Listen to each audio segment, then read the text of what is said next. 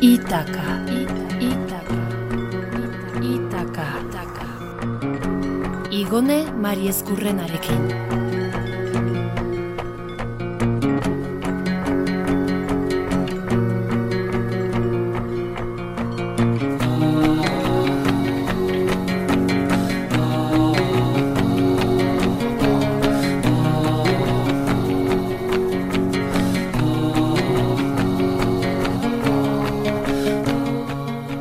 Arratsaldeon entzule ongi etorri. Itakarantzko bidean aurrera segitzen dugu eta etapa berri honetan Murazkarretako ibaietan dantzan ariko gara. Edo behintzat, Mikel Sarasola kaiakista donostiarrak egiten duena irudikatzen saiatuko gara. Txikitatik oso mugitua izan zela gogorarazten diote aitak eta amak. Amar urte zituelarik, piraguismo ikastaro batera eraman zuten eta antxe kontxako badiako uretan hasi zen historia luze hau. Aste betera eskimoteatzeko gai zen. Hau da, behin iraulita kaiakari buelta eman eta urazpitik ateratzeko gai. Hilabeteren buruan lehenengo aldiz sartu zen ibai batean, eta gaur arte. Lehiatzen hasi zen, baina azken amarrute hauek batez ere bidaiatzen eman ditu Mikel Sarasolak. Munduan barrena, paraje basatietan, muturreko jaitsierak egiten ditu. Patagonia du bazter kutxuna, pandemia gure bizitzetan sartu aurretik antze bilen. Baina denboran atzerago orain dela justu urte bete bidaia berezia egin zuen Groenlandiara, aita ama eta arrebarekin. Horretaz guztia hitz egingo dugu, baina lehenago goazen Alpeetara, Mont Blanc Magalera. Itaka. Itaka.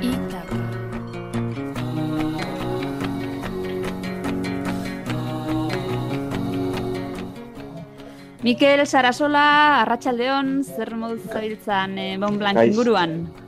Kaixo arratsaldeon igone, ba oso ondo, oso ondo, ja, behin on, onuntzaterata, eta pixkat etxean, denbora baterako pixkat utzita, ondo, eskertzen da esan. Italia aldean zabiltzat, ezta? Zehazki ze baliaratan? Ba, ostako baiaran gaude hemen Italia iparraldean, hor Frantziako mugaki, on blankego aldean, da oso toki polita esan. Mentxena goren terrazatxo batean, kafetxo batekin, hasi oso ondo, oso oso ondo. Lehenago ibilia zinen paraje hauetan, edo ez ezaguna dira zuretzako, esploraziora joan zera, edo, edo bazenuen ezaguna? Ez, zibilian itzen emendikan, egia esan oso toki barrunta da kaiakistentzat oso toki sugerentea, ibai oso onak daudelako emendikan, eta udara guztian egoten dira, bueno, egoten da ura, glasiarrak daudelako, eta orduan beti mantentzen da kaudala, ez da Pirineotan bezala, ba, segituan, ba, uda berri ostean, ur guztia jute zaigula, eta ez daukagula piraguan ibiltzeko aukerarik, osea, oso toki ona da, gero hemen, ba, bueno, alpe guztia dauzkagu, ba, gero Austria aldera goaz, eta gero, ba, alba dugu Suizara, zeren esatu dute ezin gara sartu agian, eh, larumatetik aurrera, así que hor gaude dudatan. Bai, gara izaia dira egia esan, ibili behar Bai, malabarismoak egiten. Aizu, zure jarduera ezagutzen ez dutenentzat, zerk egiten du ibai bat ona, honetarako? Zein da ibai ona?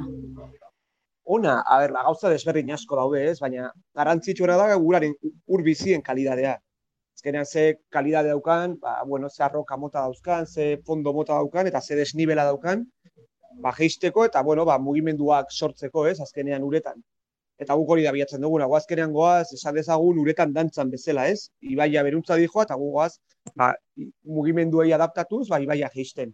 Orduan, ba, ibaiaren mugimendu horiek, baina gero hortaz aparte, ba, askotan bilatzen duguna ere da, ez dela berdina, ba, toki industrial batean, edo hiri batean, edo horrela ibiltzea, edo mendian ibiltzea azkenean. Ba, gu bilatzen duguna da, natura desberdina, eta natura polita, eta interesgarria, eta hori da, gustatzen zaiguna ere, zen azkenean, hiri baten barruan ibiltzeko, ba, ez ga- ez gera asko mugitzen egia esan piraguan ibiltzeko.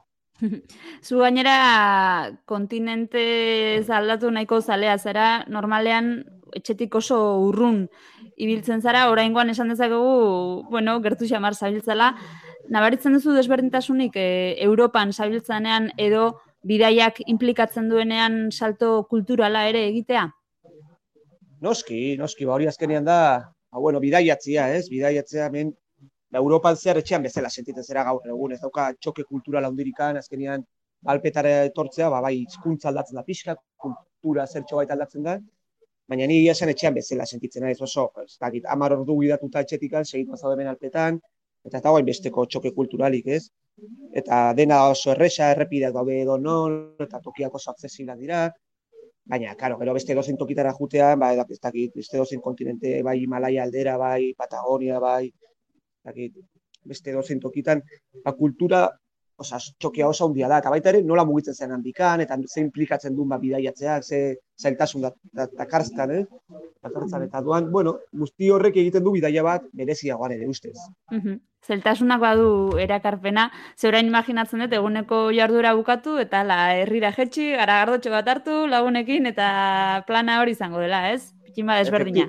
Efectivamente, oso bestelakoa da hemen. Gaina hemen daukagu, daukagu lagun batzuk, daukatela enpresa bat hemen, eta orduan batortzen gara egun guztia pasatzen dugu hortikan ibaian ibiltzen, eta gero bajisten gara baiaran bera, eta goten gira beraien enpresan, ba, beraiekin ba, afaldu, lasai ibili, eguneko kontua kontatu, ba, plan erlajatu da esan. Bai, Patagonia aipatu duzu lehen, urteetan zehar askotan joduzu ara, zergatik, zer gustatzen zaizu angotik? Jupe, ba, egia esan ez da resa esplikatzea, baina netzako dauka zerbait nahiko berezia, nire hasi nintzelako pixka mundu hontan, Patagonian bertan, ez? Ba, izan un kasualidadea, sortea, bakaiakaren bitartez, area juteko aukera izan un lan egiteko, eta pasan inungan, ia urte bete, bueno, temporada oso luze bat, e, lan egiten, baina aldi berean, ba, Patagonia ezagutzen, ez? Eta nire lana gaina implikatzen zuen, bakaiakan, bueno, agenturak egitea, talako gauza, goran, aukera asko leukan txokoak ezagutzeko, eta, gua, egia esan izan zen, nire, aventurako munduan hasiera, ez? Eta orduan, bai dauka implikazio emozional oso handia, baina gero ere paisajistikoki oso, ba, oso tokire kargarria da. Kakaiakaren munduan, esan daiteke, zakit, handeek daukatela, oza, ibai kontzentrazio handienetarikoa, ez? Orduan, hande guztie daukate sekulako ibaiak edo norazoa zela, bai e, Txileko aldera, bai Argentinako aldera, orduan oso denbora gutxi mugituta, daukazu oso ibai kontzentrazio handia. -hmm. Eta horreko zera kargarria egiten du guretzako. Eta baita ere, aventura kutxo handia daukala, ez? Azkenean, ibai asko oraindik egin gabe daude, orduan, azkeneko urtetan ibai asko ireki ditugu handikan, ibai berri asko zagutu ditugu, eta eta bueno, aventura oso polita bizitzen ditugu handikan, gainera nahiko inaccesibleak dira toki asko, orduan, e, bueno, exigitzen du ba planifikazio handia, eta eta, bueno, mm -hmm. esportu handia, baina horrek ere egiten du saria handiagoa izatea, ez? Jakina. Eta gero Hori ere... paisajistikoki esan gero glaziar asko dago, eta glaziar horietatik oso, ba, beti urre mari handia jisten dira, hemen topatzen dituzu moduko ibaiak, ez? Hori ere galdetu nahi nizun, nola mugitzen zara, nola aukeratzen dituzu zu eta zu bezalakoek proiektuak, beste kaiakista batzuen erreferentzietatik abiatuta, ala gehiago erakartzen zaitu ez ezaguna den horrek, inork, inoiz eh, dantzatu ez duen ibai horrek, e, zein da zure iparra edo nola, nola aukeratzen dituzu erronkak? Hombre, ba, guzteo prozesu bat da, ez? Azkenean ez era sartzen honetan ze, oza, unet, e, zerotik egunera. Zara, eta ez zera pixkanaka, ba, etxe ondoko ibaia jisten, gero pixkatu runera juten zea, ba, ziren, ba, hori, Pirineoak izaten dira lehenengo parada, gero Alpiak, gero Norvegiara, orduan, Europa ja ezagututa pixka bat, ba, ez zera salto amaten, ez? Baina bide horretan ere jende asko ezagutzen duzu. Orduan, ba hori esaten izura, hemen gauetan juntatzen gera, asko hitz egiten dugu gure artean, orduan, ba, bate komentatzen du ba, Patagonian egon dela, beste komentatzen du takin egon dela, ze gauzak ikusi dituenan, ze proiektu ikusi dituen. Eta orduan, hor juten dira, ba, beti zuaren inguruan, ez, edo maiaren inguruan, ba, proiektuak sortzen. Eta, ba, horrela, jendeakin izketan, eta sortzen ezkizu ideia berriak, eta, bueno, aventura berriak etortzen ezkizu burura, taldeak ere sortzen dira segituan, horrela, ez, lagun artean. Eta horrela, bat hortzen dira gauzak, orduan, abeti ez zuten norbait ibili dela inguru hortan, eta esaten zu, jo, ba, sekurako ibai egin genitu, eta gainera, ibai asko daude egiteko, eta oso interesgarria, orduan, bazte zera segituan, ba, mapetan behiratzen, Google Earthen salseatzen, eta horrela zen zai da, bueno, ba, beti tokia ezagutzen pixka bat, orduan, lehenengo bidaia igual egitezu, eta lehenengo bidaian toki klasikoa goetara juten zea, ez? Mm -hmm. Baina behin inguru ezagututa ere, eta topatzituzu beste inguru batzuk, igual interesgarriak izan daitezkena jisteko, Ba, igual norbait egon dena ere, baina ez dago informazio gehiagirikan, eta beti asko gusten zaigu, ba, bidea pixkat irekitzea, ez? Gero bai daudela toki batzuk oso ezagunak direna, baina oso mugatuak direna, esan ez, ez dela edo, edo norentzat ere, ez? Eta hori daukate, ba, dakit, erronka, kirol erronka bat izan daiteke ere pixka da guretzako, ba, entrenatu gara daukazu horretarako espezifikoki, eta oso serio hartu harreko ibaiak dira, eta ba, erronka horiek ere polita dira, baina batzu dira kirol erronka gehiago, eta beste dira aventura erronka, gehiago, ez? Eta beste batzuk biak gustatzen dituzte. Mm -hmm. ba, bueno, inoiz, inoiz ez da- inork jetxi ez duen ibai bat jeistera balin bazoaz? Hartu eta bota, horrela ez da izango, ez? Pentsatzen dut hurbildu, kanpotik begiratu, ibai Ke ba, egiten pues- duen bidea jarraitu, ez? Hartu eta bota. Na, que ba, que ba, imaginatu zakezu ez, ez, osea, hau oso prozesu luzea da, normalian. Bai gertatu zaigula noiz bait, ez, bai iritsi toki batera, eta derrepente, espero ez genuen zerbaitekin topatu. Mhm. Eta topatzen zera, eta esaten, ostras, zer dago hemen, eta orduan ez zera pixkat begiratzen, ikusten duzu ba sarrera badaukala toki batean, irtera beste toki batean, eta, eta gero, ba, igual pixkat mapetan begiratzen dugu ze desnivel daukan, ez? Mhm. eta desnivel hori ez dela, ba, ikuste batzu desnivel hori jetxi, jisteko modukoa dela, Orduan botatzen zera pixka bat, orda, baina oso gutxitan gertatzen da hori. Normalean, Mhm. ba, proiektu hauek etxetikan, etxean sortzen dira, eta orduan, etxean bertan hasten zera gauzak ondo planifikatzen, ondo aztertzen, asko konsultatzen inguruko jendeari, eta eta gero ba, mapak aztertzituzu oso ondo, hori kaudalak oso ondo aztertzituzu, ingurua nola, oso ondo aztertzezu, ba, nola sartu, nola atera, nola iritsi eraino, ez? Orduan, esplorazioa beti etxetik da, eta oso luzea izaten da. Baina hori segun ora zoazen, hori esaten zuen, orduan, igual Mhm. imaginatu Patagoniatik zoazela beste proiektu batera, eta errepidetik zoaz, eta errepidetik ustezu ibai bat.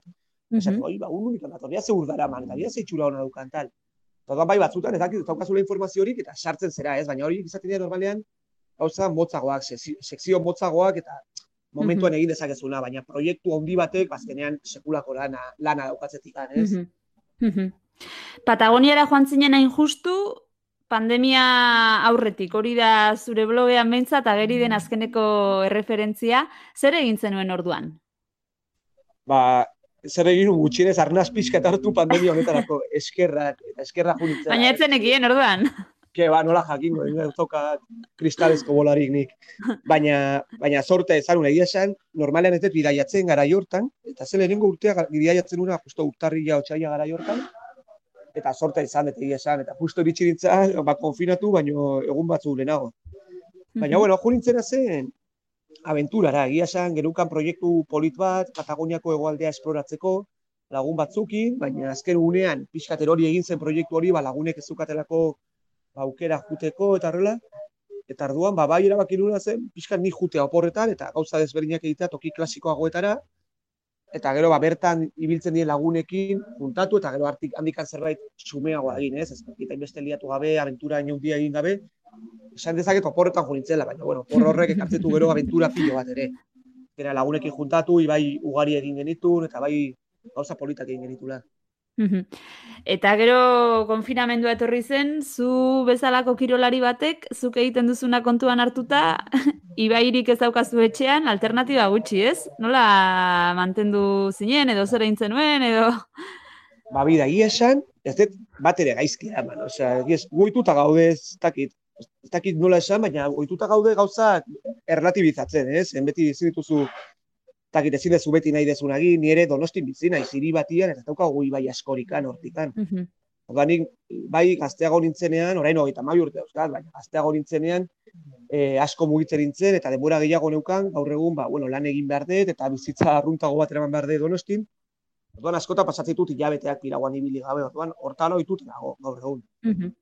Eta, ba, bueno, gero etxean, ba, gutxienez txerinda estatiko bat neukan, eta, bueno, ema- ematizu lana egiteko, lana aurreratzeko, eta, ba, ba, egia esan ez nuen bat ere gaizki eraman.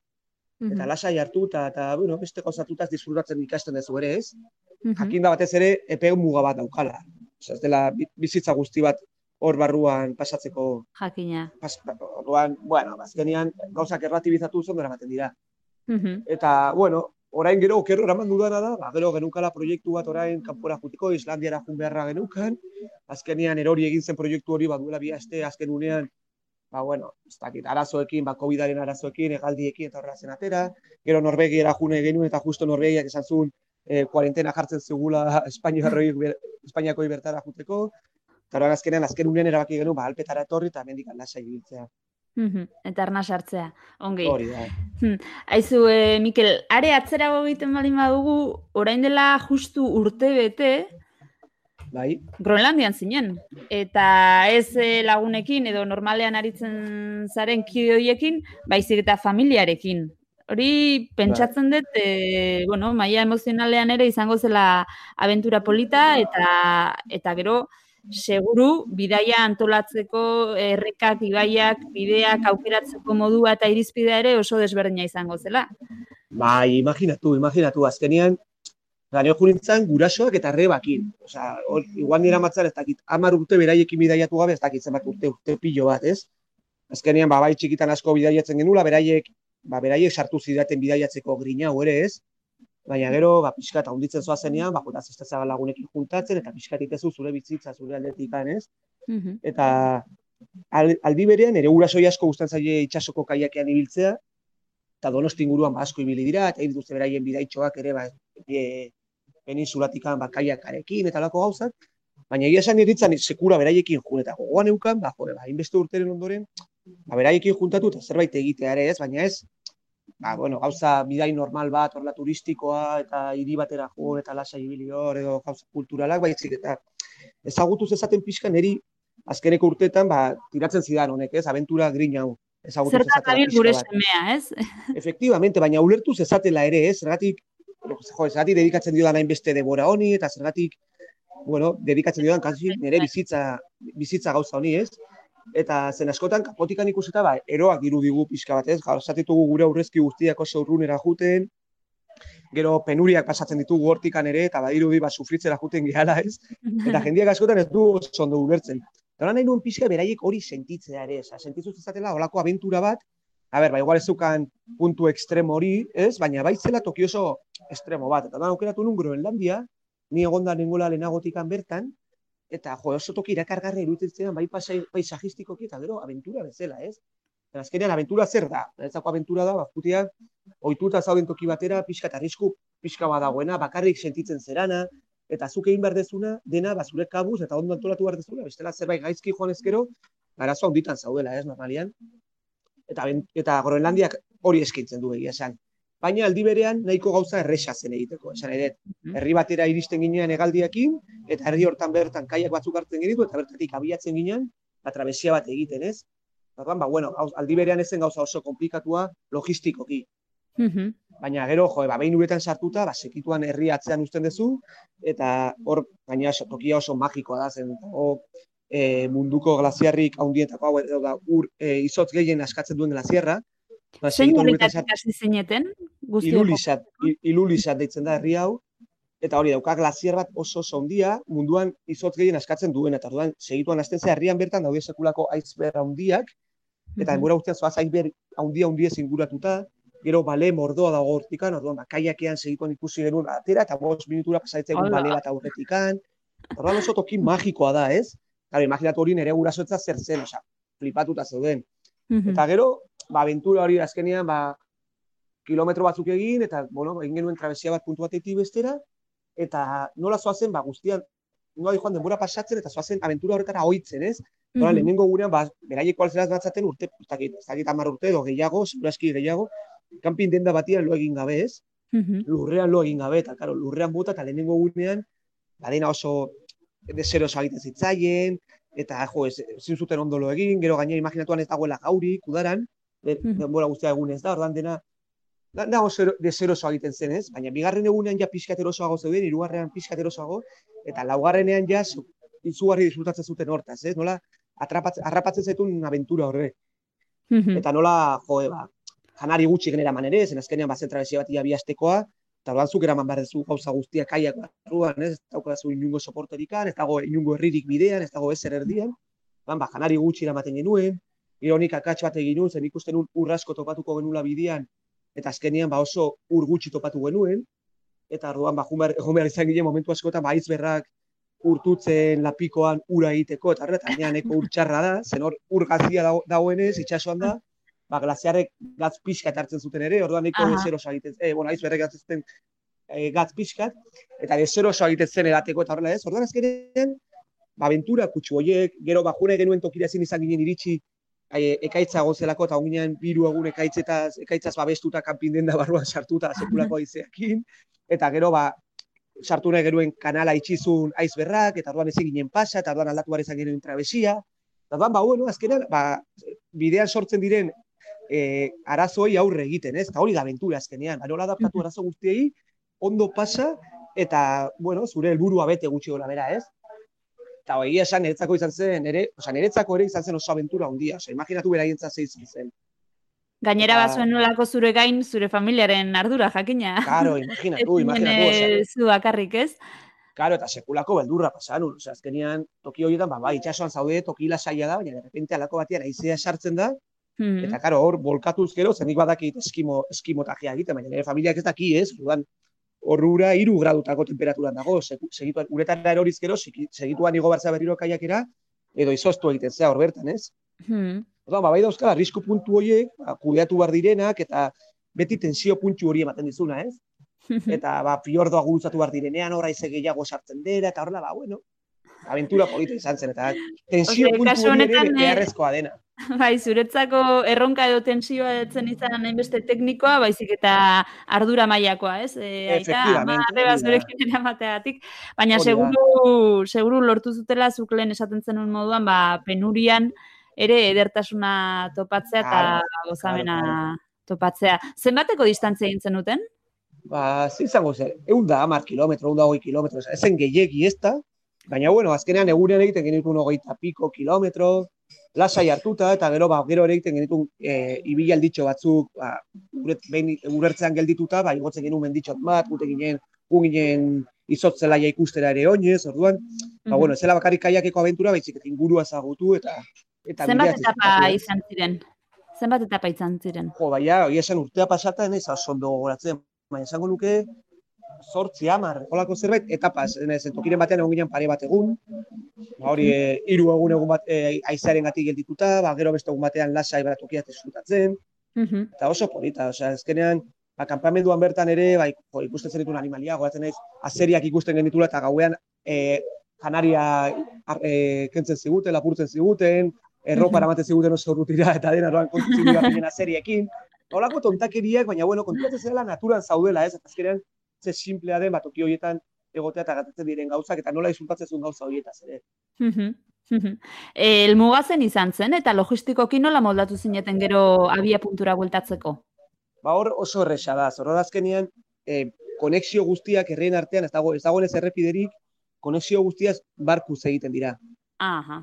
Orduan, ba, gu gerukan kontratatuta barku bat, banekila, bueno, bat, taxi moduko bat egunero pasatzen dena, baina, karo, gu kaiakekin gindoaz ere, ba, kontratatu behar genuen- lehenagotikan, ba, esaten kaiakak eramaten genitula, eta azkenean espazio gehiago okupatzen dute, eta diru gehiago ordaindu behar da, eta, baina, karo, ez ginen iritsi guk iritsi nahi genuen abia puntura, zen azkenean kanal hori itxi egin ziguten, e, bueno, e, aizberrengatik itxi egin zen, eta ezin izan ginen pasa, genulekalako aizber barrera bat ezin genula gurutzatu, eta egunak egon ginen itxoiten ere hori irekitza, baina ezen ireki, eta orduan joan ginen beste toki batera. Eta ikusi genuen mapan zegoela resort moduko bat, beste toki batean, glaziar batetik gertu, eta joan ginen, bazkenean, resort horretaraino, eta galdetu ea beraiek barkurikan zeukaten, e, irira itzultzeko, ez? Eta azkenean esan ziguten baietz, ba, hiru egun barru pasako zela urrengo barkua, eta joan ginen, ba, hiru egun resort horren ondoan e, akanpatuta, ba, barkuari itxoiten, ez? Eta azkenean beraiek eraman, eraman gintuzten, hasi oso ondo. Osea, azkenean, ba, hori zoazela moldatzen, ez? Topat, gertatzen diren arazoen aurrian, ba, moldatzen eta eta planak pixka Ba, bai. horrea, bir moldatzen. Eta oso polita, orain oso kurioso egin zitzaidan, ba, nola resort horretara iritsita, ba, karo, de repente iristen zea, olako aventura batetik, izan resort batera horrela, glaziar baten aurrian, luxuzkoa, 5 estrellas, eta lujo guztiarekin, ez? Eta nola nire familiak pixat ies egiten zuen toki horretik. Ah, bai, bai, ez zutelako horregon nahi, ez zuten ez da tabernara juna ere, zelako sakrilegio bat, ez? Resort hori horregotea, eta, karo, berai, de repente, oitu dira, aventura puntu batera, de repente guzti horrek hautsi egiten dizula, ez? Claro. Eta nola, ba, bi astetan aldatzen duzu txipua guztiz. Janarien polita. beharra, e, bai. Bai, nik uste dut e, egokitzeko gaitasuna dela gizakiak Bai, daukan. azkenean, bai. E, Efectivamente, eta kizula disfrutatuko dezula beneta zota, eta gero de repente kontuatzen zea, jo, nola disfrutatzen zu nolako gauza simpletaz, ez? Eta hola, mom- momentu txiki batian, horregatik, ba, bueno, konfinamenduan ere, berdina gertatu zaigu pixka, nik uste jende asko disfrutatu dula konfinamenduaz ere, ez? Mhm. Zen azkenean, ba, bizitza oso azkar joakigu, beti dauzkagu planak egiteko, gauza asko egiteko, eta de repente konfinatzen gaituzte behartuta, eta azten gauza txikitaz disfrutatzen, ez? Denbora horretaz disfrutatzen, azten berriro, bai, irakurtzeaz disfrutatzen, e, estiratzeaz disfrutatzen, denbora librea edukitzeaz disfrutatzen, terrazara igo eta eguzki hartzeaz disfrutatzen, ez dakit olako gauzak, ez? Mhm. Normalan ez, dituzu, ez dituzula egiten, baina bestean disfruta, disfruta Ah, bai. ere. Jende asko disfrutatu du konfinamendu nire bat, lagunek, amabost eguneko konfinamendu bat urtean, ondo legoke. ondo legokela, jo, ni flipatzen nola, nire lagunek esaten zaten nola disfrutatzen duten, etxea garbitzen, ez? ba, igual normalan ez dutela etxea garbitzen horatan, eta orain hartzen dutela, hiru ordu etxea garbitzeko, gero sukaldatzeko rezeta berriak egiten, tal, esaten zuela. Bueno, Hori dela normalan ez dezu, ez dezu hartzen, zuri ere, seguro otatu zitzaizkizula olakoak, ez? Ba, bai, denoi, denoi. Aizu, Mikel, e, lehen aipatu duzu, ba, hori, urtetan aurrera eginala, ba, ba, karo, e, lanean hasi behar izan duzula, ez duzula gaztetxoaz zinenean bezain beste bidaiatzen, eta donostin kudeatzen duzu badakit, e, hostel bat, pentsatzen dut, Bai. bai, ere, ba, bidaiarientzat edo bidaiariengan pentsatuta. Osea, que nolabait barrikadaren beste aldean jartzen zaitu zure lanak zer eskaintzen duzu edo zer uste duzu dela bidaiari batek, abentura zale batek edo hostel batean e, bilatzen duena edo zer da e, eskaini Bueno, zerbitzuri garrantzitsuena. Bai, nik uste eskaintzen duguna dela pasio hori, ez? Azkenean, jutatzen gerala jendiakin zure pasi, antzeko pasio bat daukana, eta dudan, oso elkarrezketa politak suertatzen dira, eta azkenean, ba, bueno, jen, zure oso antzeko jendia topatzen dezu hor, eta ikuste ere montatzen dezula gauza bat, en, karo, gu hostela ireki genuen duela hiru urte eta erdi ez dela denbora gehiegi, ireki nun ere arre bat, nire lengusinakin hor groseko, groseko auzoan donostin, ba, pentsatzen genulako azkenean donostik ere behar zula beste mota bateko turismoa, bidaiari sumeago batentzat, baina baita ere bidaiatza gustatzen zaiona eta hiria eta ingurua beste modu batean disfrutatuko duena, ez? Eta hori pixka falta zela, eta baita ere, ba, bertako jendiarekin, gurekin bertan lanian, eta pasio, e, bidaiatzeko pasio hori, bueno, e, baita ere konpartitzen duguna, ez? Eta, eta gero, ba, claro, guk asko bidaiatu dugu, eta niri asko gustatu zait asko bidaiatzea beti, eta eta hosteletan egotea ere, ez? Beti hosteletan topatzen duzu, zure oso antzeko jendia, ba, azkenean plan berdinakin di joan jendia, denbora asko bidaiatzen normalian, eta eta bueno, gauza desberdinak bilatzen dituen jendia bidaiatzen, ez? Nik uste hostel formatua dela beste modu batean bidaiatu nahi du jendiarentzat. Bidai hori partekatuz beste jendearekin, ez? Gero, hoteletara zoazenean normalean bidaiatzen zuzu bakarrik egotea, lasai egotea, eta gero, ba, bueno, zuk zure bidea egitea. Baina hostel bateran dijoan jendiak beste zerbait bilatzen du. Azkenean bilatzen du bidai hori partekatzea beste bere antzeko jendiarekin. Esan, hostel batean egoteak ez du esan nahi, o, gela partekatu behar bai edo bai, guk ere dauzkagu ba, gela familiarrak, gela pribatuak, baina bai dagoela jende asko, ba, igual gela pribat hartz, pribatu bat hartzen duna, e, ba, ez dakit, nahi duelako bere intimidade hori gorde, baina gero, egon nahi duela hostelian, ba, zona partekatuetan eta in- inguruan, ba, bere antzeko jendearekin, ba, jendeakin izketan, eta gauzako ezberdinak komentatuz, eta eta nik usten dut sortzen dela beste modota bateko giro bat, ez? Eta hori oso Bai. polita dela. Eta gero, ba, gure esperientziak ere, bidaiatzen eman, izan dugun esperientzia horrek eman digula, ba, hoste batean bilatzen duguna, ba, bertan plasmatzeko aukera. Ni ere uneko unean ados nago hostel bateko egongelan edo terrazan beti osten dira bidaia eta plan berriak eta hori izugarria da. Bai, eta ez bakarrik plan berria, baizik eta igual zuristetzea bakarrik hostel batera edo beste lagun batekin eta juntatzen zea beste talde batekin gauzak egiteko, ez? Eta beraiekin zoaz gauza horiek egitera eta igual sortzen dira ba, bizitza guzti baterako eh, lagunak ere, ez? Eta hori oso polita da. Nik ere ba, bi- bidean zehar, ba, munduan zehar ezagutu dut jendea hosteletan, gero beraiekin abenturak partekatu ditudanak, ez? Eta gu saiatzen gara bizkat binkulu, binkulu hori sortzen etxean bertan. Eta da, niretzako da, ba, etxean nagoenean ere, ba, bidaiarekin binkulu bat izateko aukera, ez? Oso polita. Mhm. Mikel Sarasola, mi esker gurekin izategatik. Jo, eh, ba, zuri benetan olako, bueno, aukera mateagatik eta olako saioa sortzeagatik ere, ez? Azkenean, ba, abentura maite dugunok ere asko gustatzen zaigu olako gauzak entzutea eta olako, bueno, abentura desberdinei munduko eh, podcastak entzutea, que, eta orain konfinamendu honekin gehiago apreziatu ditugu gainera, que eskertzen da benetan, eh? Eta beti be- oso urrunekoa dirudien zerbaitetan dabilen norbait izan daiteke inspirazio norberarentzat. Behar bada ez e, jardura bera egiteko, baina bai urrengo destino aukeratzeko edo edo nor daki. Beraz mila esker zure testigantzak hartzeagatik, zure zatitxoa eta izu ba Islandia aldera egitea lortzen baduzu, ba kontatu, abisatu eta eta kontatuko diguzu gustora entzungo dugu. Bai, ba, mila esker zuri benetan. Ez dut uste aurten gertatuko denik, baina, bueno, etorriko dira beste batzuk, así que, Horrengoan, placer bat, placer bat. honena Vale, mila iritzear esker. dago. Hori da, hori pentsatu behar.